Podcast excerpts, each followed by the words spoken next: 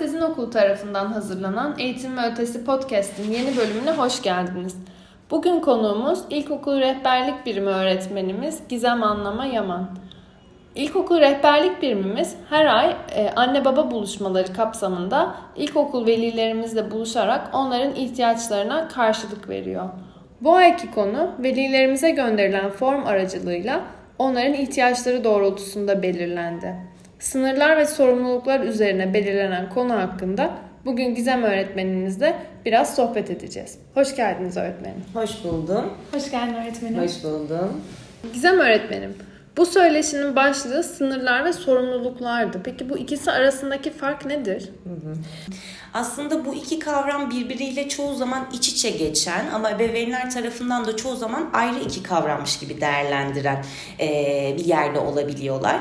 E, okul yaşantısıyla birlikte ya da belki çocuğun büyüdüğünün biraz daha farkına vardıkları ve beklentilerinin arttığı bir evrede çocuğun bunu karşılamakta zorlandığı, belki e, ebeveynin beklentileriyle çocuğun gerçekleştirdiklerinin örtüşmediği noktada e, ebeveynler çocuklarla kimi zaman çatışmalar yaşıyor yaşayabiliyorlar ve haliyle öğretmenim sorumluluklarını alamıyor. Öğretmenim okulu takip edemiyor. İşte ekran başından kaldıramıyoruz. Eşyalarını düzenleyemiyor. Yatağını toplayamıyor gibi. Ee, daha çok sorumluluk algısı üzerinden bir çaresizliğe düşüp e, burayı nasıl düzenleyebileceklerine dair dönüş alma e, çabası içine girebiliyorlar. Bu gibi durumlarda biz şunu söylüyoruz. Aslında sorumluluğa gelmeden çocuğun hayatındaki sınırlar ne kadar belirgindi bugüne kadar. Neyi ne kadar yapabileceğini, ne kadar yapamayacağına, nerede duracağına, nerede devam edebileceğine dair algısı neredeydi ve şu an neden bu zorluk yaşanıyor? Biraz buraya bütüncül bakmayı hedefliyoruz. O yüzden bu iki kavramı birbirinden ayrı düşünmemek gerektiğini, sınırların aslında sorumlulukların temelini oluşturduğunu ve sorumluluk almasını beklediğimiz evreye geçmeden çocukta belirlediğimiz o sınırların bu sorumluluk alma bilincine çok büyük oranda katkı sağladığını söyleyerek başlamak başlamak isterim.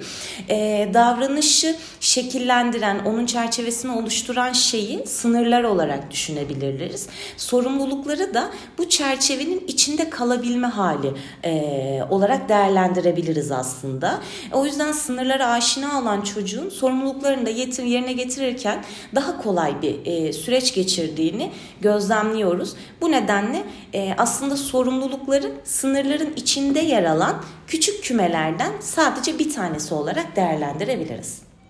Aslında bu anlattığınızdan benim anladığım biraz daha hani erken çocukluk döneminde konulan sınırlar ve daha sonra ergenlik öncesi dönemde e, bu sınırların sorumluluk bilincine dönüşmesi e, gibi değerlendiriyoruz. Doğru anlamış mıyım? Evet aslında tam olarak buradan bakıyoruz e, sürece e, sorumluluk almak sanki çok büyük bir e, şeymiş gibi bir algıymış gibi ebeveynlere yerleşebiliyor. Ama daha temele bakmak e, belki temelden bu süreci inşa etmek çocuğun da yaşamını daha da kolaylaştırabiliyor. Tabi bu söylem ebeveynlerde en nihayetinde kaygı e, yaratmasını da bir yandan istemeyiz. Çünkü o dönemi atlattık ve belki buralarda zorlandık. O zaman çocuğun sorumluluk alma bilinciyle ilgili hep bir zorluk mu yaşayacağız? Hayır elbette bu noktadan sonra yapabileceğimiz çok fazla şey. Belki belki o alanı çerçevelemek için, o sınırları yeniden yapılandırmak için e, alabileceğimiz birçok e, önlem, e, yapabileceğimiz birçok şeyde bulunmakta. Aslında bugün de biraz buralarda neler yapabiliriz bununla ilgili de e, konuşacağımız bir süreç bizi bekliyor anladığım kadarıyla. Kesinlikle ilerleyen sorularda var aynen bu bahsettiğiniz konuda sorularımız. Ee, aslında az önce bahsettiğiniz iki kavramın bağlantısında ama e, sınır üzerinde durmak istiyoruz. İnsan hayatında sınırlar neden önemlidir öğretmenim? E, bu soruya tek bir cümleyle e, yanıt verecek olsam aslında bu yanıt çünkü sınırlar güvende hissettirir olurdu. Ee, ebeveynlerle temas ederken hep şu örneği verir ve biraz üzerinde düşünmelerini isterim. Diyelim ki bir çölün ortasındasınız. Uçsuz bucaksız bir alan var önünüzde fakat yönünüzü bulmanıza yardım edecek hiçbir işaret göremiyorsunuz etrafta. Nasıl hissedersiniz? Muhtemelen çaresiz, güvensiz, belirsizlik karşısında kaygılı, yolunuzu bulmak için oradan oraya koşturur vaziyette. E, çocuklar da haliyle benzer şeyleri hissediyorlar. E, doğumdan önce bulundukları o korunaklı, güvenli, annenin karnıyla sınırlandırılmış alandan uçsuz bucaksız bir çölün ortasına düşüyorlar ve burada neyi yapacaklarına ya da neyi yapamayacaklarına, nereye giderlerse neyle karşılaşacaklarına dair bilgilendirmelere ihtiyaç duyuyorlar. E, haliyle sınırları biz burada çocuğun o çölün ortasındayken hangi yöne gidebileceğine dair levhalar olarak düşünebiliriz. E, belirsizlik biz yetişkinler için de aslında oldukça korkutucu bir kavramdır çoğu Hı-hı. zaman. E, bu yüzden çocuklar e, ne kadar baş kaldırsa, ne kadar ısrarcı olsa da sonucunu bildikleri yoldan her zaman ilerlemek isterler. Hatta bazen bu ısrarlar ve baş kaldırmalar da sizin sınırlarınızı ölçmek için bir yere sahiptir ruhsallıklarında. E bazen öyle dirençli olurlar ki sizin o sınırlamalarınıza karşı tek görmek istedikleri onların öfkesi ve ısrarı karşısında ne kadar güçlü kalabileceğinizdir. Kucaklayan, sana, senin öfkene, senin ısrarına rağmen buradayım ve aynı kararlılıkta yanındayımı görmek isterler.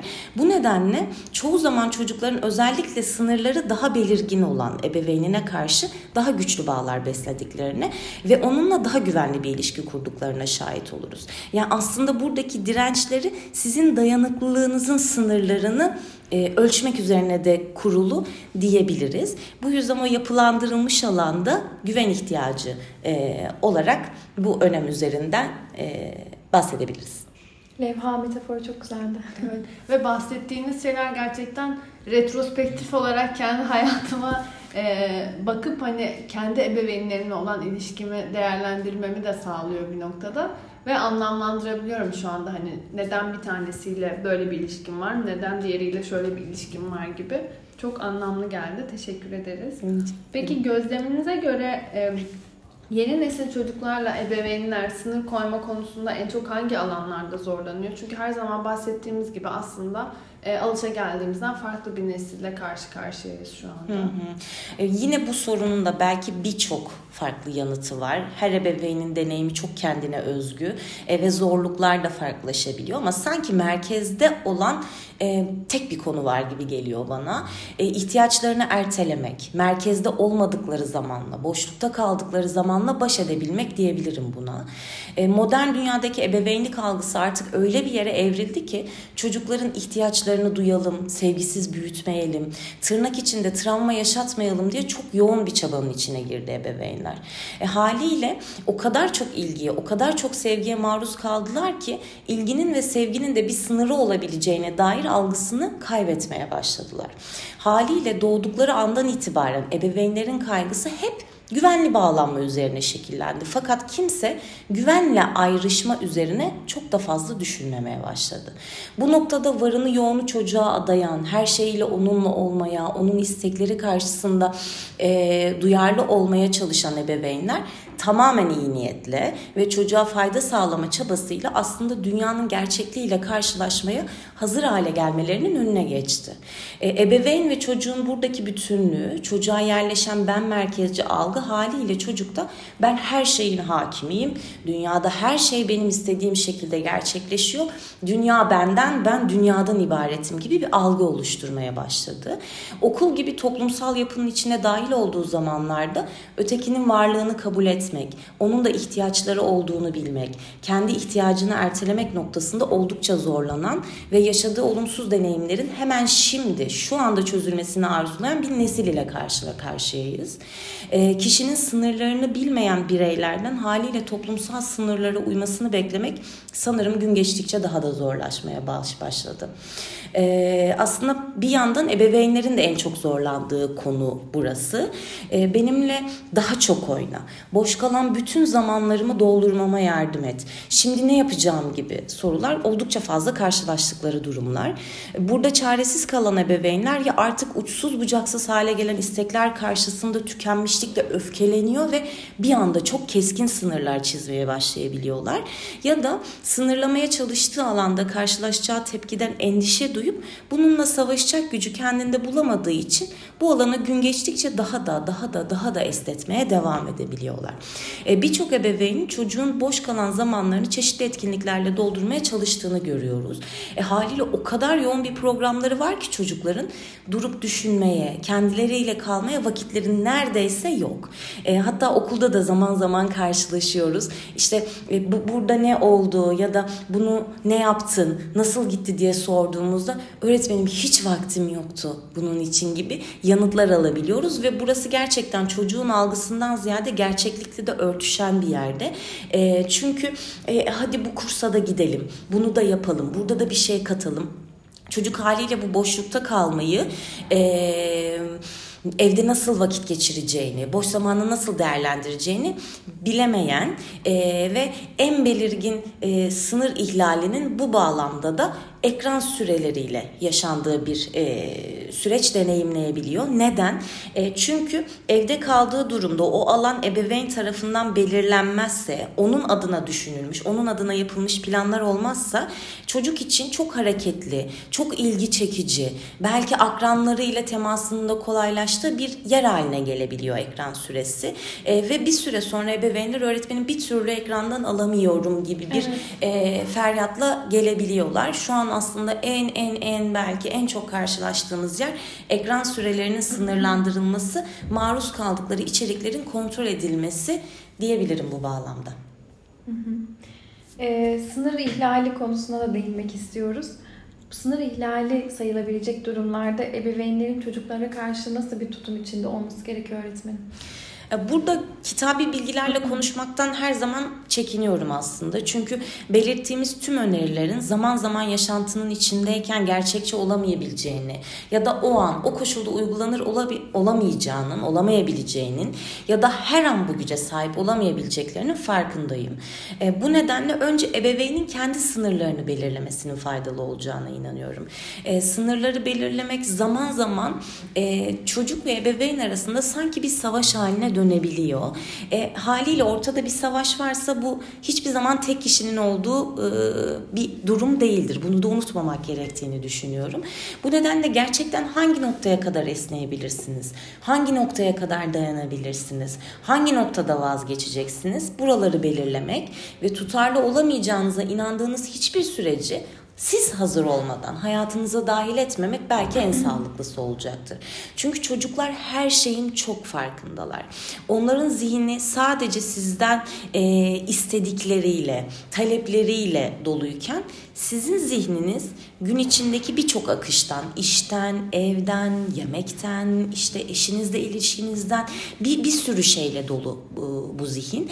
E, haliyle e, buradaki sürdürülebilirliği sağlamak, bunun için zihinsel bir, ruhsal bir yatırım yapmak ebeveyn için bazen zorlayıcı olabiliyor. E, bu nedenle e, çocuk için sınırlar konusunda özellikle en çok istediğimiz ve en çok aslında beklediğimiz şey e, tutarlı olmak, sürdürülebilir olması iken ebeveynin bu noktadaki hazır olmadığı zamanlar haliyle bu süreci zorlaştırabiliyor.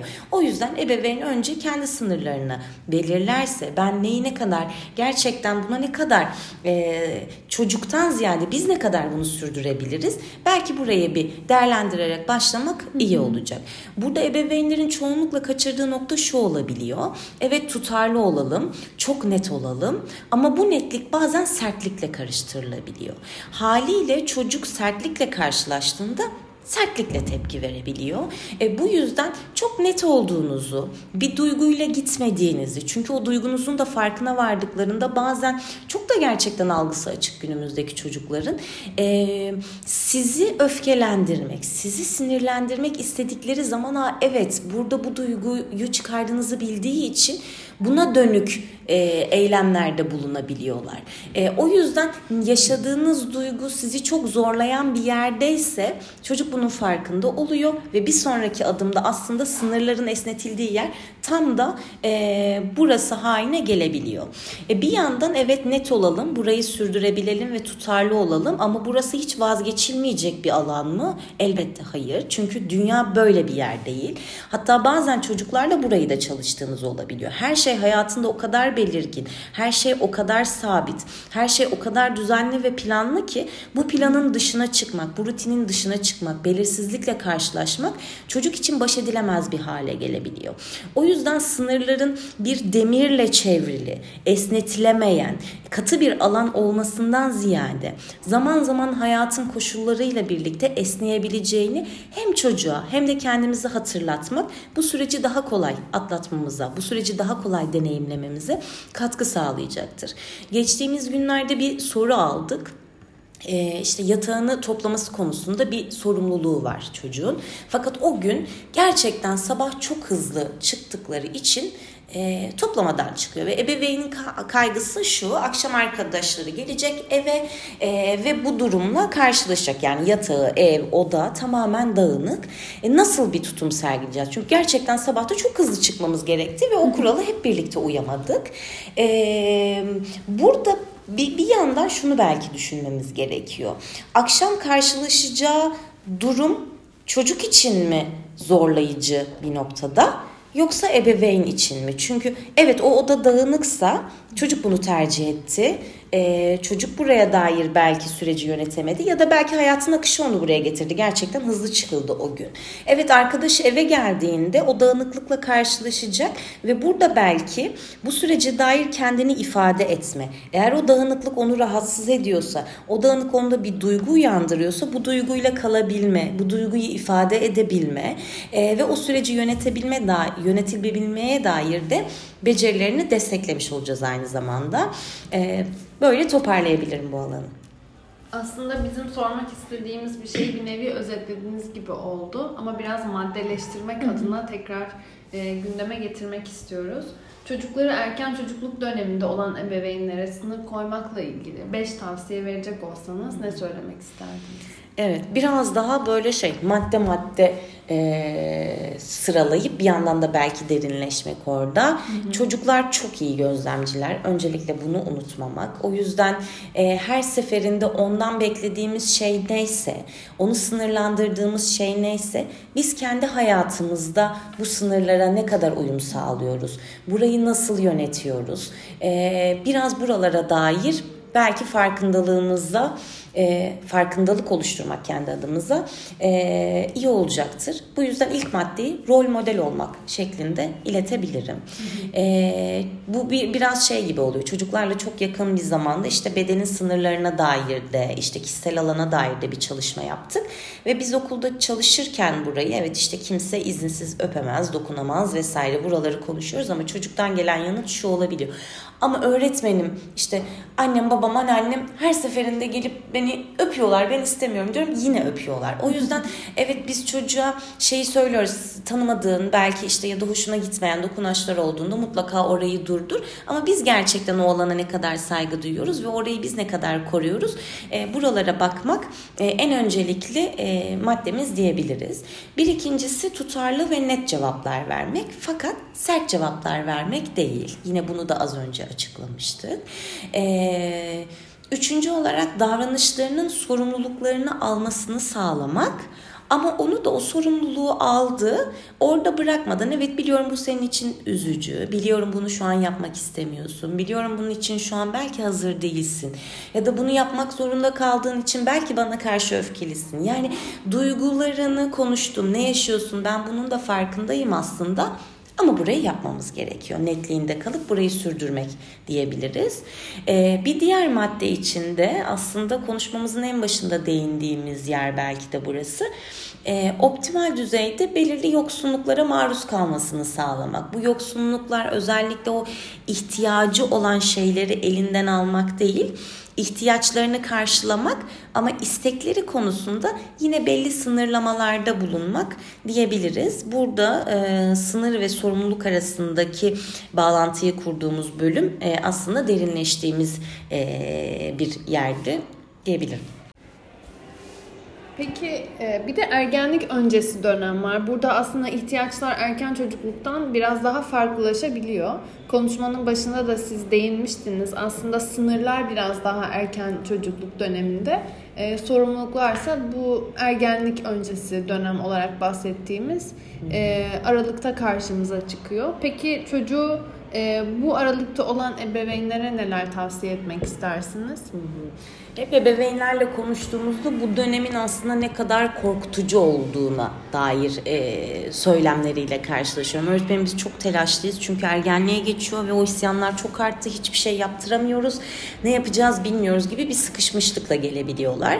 E, burada buranın bu kadar belirgin yaşanmasının birinci nedeni aslında en başta konuştuğumuz bugüne kadar belki sınırlar daha çok davranışla ilgili ya da çocuğun belki daha hem kendisini hem de dış dünyayı etki alanın daha sınırlı olduğu bir yerdeyken e, burada özellikle sorumluluklarla, düzenle, takiple daha çok e, işinin olduğu, buraya dair beklentilerin daha fazlalaştığı bir evreye geç, geçiyorlar.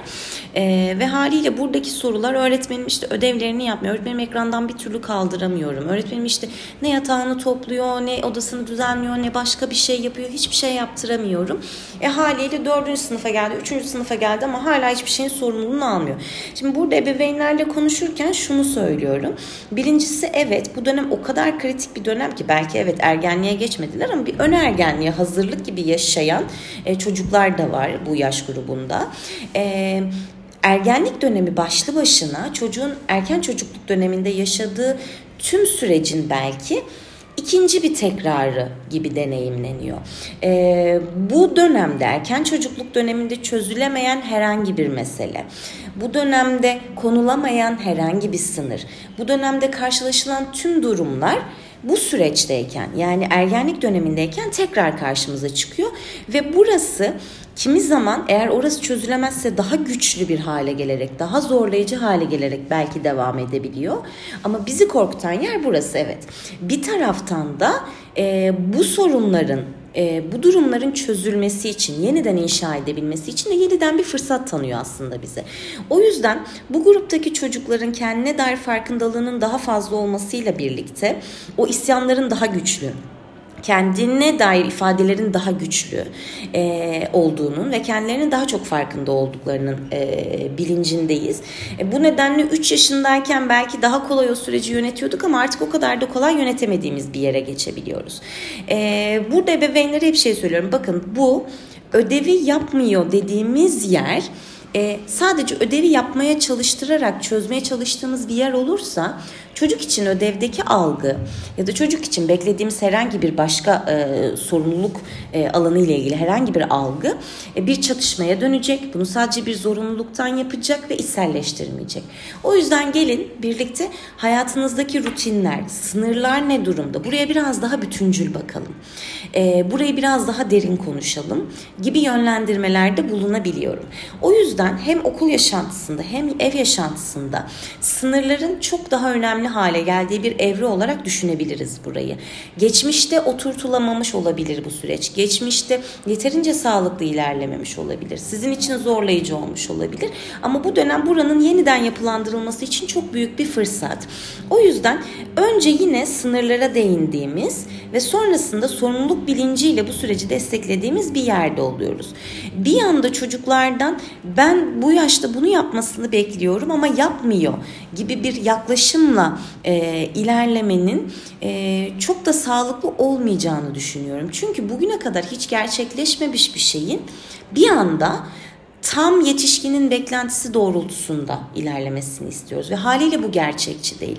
O yüzden küçük adımlarla ilerlemek. Yani e, günde bütün saatlerini ekranla geçiren bir çocuk için ekranı tamamen hayatından bir anda çıkarmak değil ama küçük adımlarla o süreyi yavaş yavaş azaltarak gitmek belki. Ya da yine bu yaş grubunda benzer şey özellikle ödevlerin takibiyle ilgili olabiliyor. E, her seferinde ben hatırlatıyorum. Her seferinde ben ısrar ediyorum. Ben söylüyorum diyebiliyor aileler. E, burada kimi zaman okul ve ailenin işbirliğiyle yürüttüğümüz, kimi zaman ebeveynin çocukla gerçekten içtenlikle konuşup beklentilerini söyleyip bunun için ne kadar süre seni desteklememe ihtiyacım var? Ne kadar süre daha benim hatırlatmam senin için için faydalı olur. Bunu birlikte belki çerçevelediğimiz ama sonrasında yavaş yavaş da bu alandan çıkacağımızı ilettiğimiz bir e, süreç deneyimliyoruz. E, bu yüzden bu dönem tabii üzerinde çokça konuşulması belki çok daha derin derin e, bakmamız gereken de bir yer. E, ama özellikle bu bu dönemdeki kaygılar bu doğrultuda oluyor ve bizim de yönlendirmemiz e, çoğunlukla Bu şekilde diyebilirim. Teşekkür ederiz.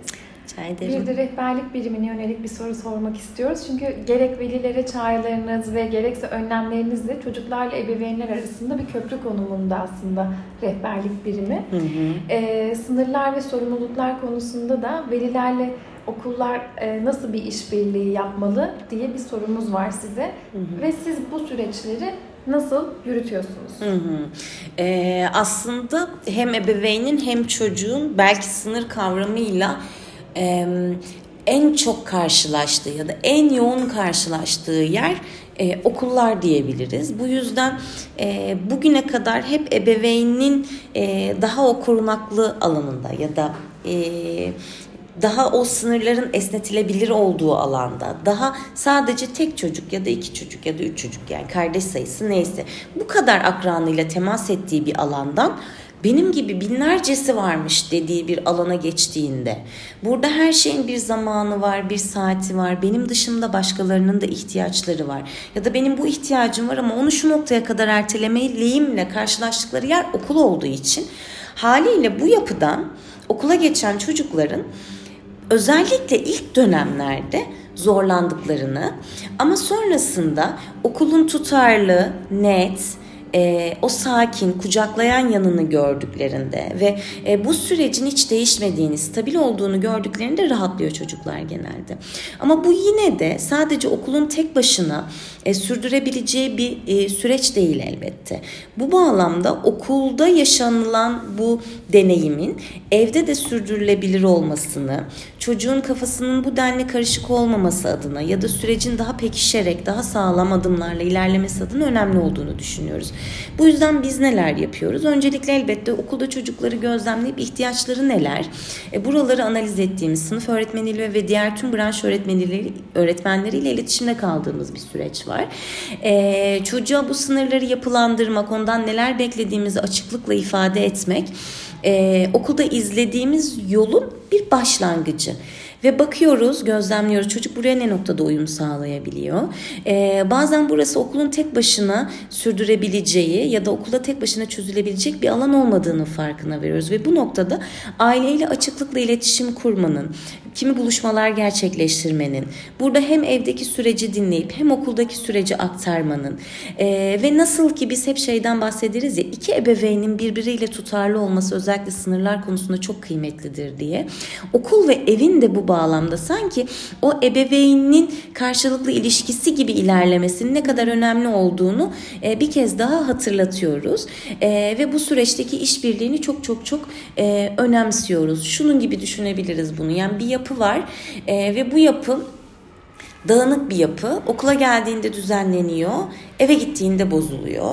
E, okula geldiğinde tekrar düzenlemesini bekliyoruz. Haliyle çocuk kafa karışıklığı yaşıyor. Ya da belki tam tersi. Bazen de evde çok daha e, belirgin sınırlar oluyor. Okul çocuk için daha esnek olabiliyor. Yine orada da çocuğun yaşadığı kafa karışıklığı her neyse aileyle açıklıkla burayı konuşabilmek ve değerlendirebilmek, birlikte süreci takip edebilmek e, bizim oldukça önemsediğimiz e, noktalardan birisi. Hı hı, çok teşekkür ederiz. Rica ederim. Ee, peki bu konuda ebeveynlerin okuyabilecekleri kitaplar var mı? Biz her konumuza mutlaka son sorumuz olarak kitap önerisiyle e, kapatıyoruz ve soruyoruz. Tavsiyelerinizi duymak isteriz. Tabii önerebilirim. Ee, özellikle Isabel Filozat'ın e, yaş gruplarına göre ayırdığı e, üç kitabı var. Denemediğim yol kalmadı. Sabrımı zorluyorsun ve artık hiç anlaşamıyoruz. Ee, Henry Cloud'un Sınırlar kitabı olabilir. Jane Nelson'ın Pozitif Disiplin. Jasper Jule'un e, Sevgiyle Hayır Diyebilmek. Daniel J. Siegel'in de e, Dramsız Disiplin kitaplarını önerebilirim. E, aynı zamanda e, Öfke Dansı isimli bir e, kitap var. Bunu özellikle ebeveynlerin kendi döngülerini anlaması için de yine ekleyebilirim.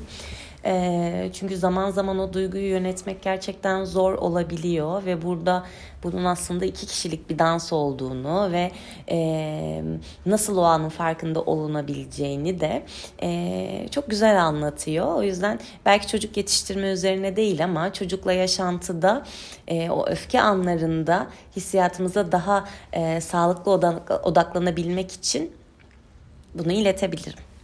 Çok teşekkür ederiz öğretmenim. Ağzınıza sağlık. Bence tüm dinleyenler için çok faydalı olmuştur. Ben e, çocuğu olmayan biri olarak bile çok faydalandım söylediğiniz şeylerden. Çünkü e, herhangi bir çocukla iletişim kururken kurarken bile e, bu tip sınırlara ve sorumluluk alanlarına dikkat etmemiz e, gerektiğini düşünüyorum. O yüzden katkılarınız ve vaktiniz için çok teşekkür ederiz. Ben teşekkür ederim nazik davetiniz için. Benim de çok benim için de çok keyif verici bir e, sohbet oldu. E, umarım faydalı olmuştur. Hoşçakalın. Hoşçakalın.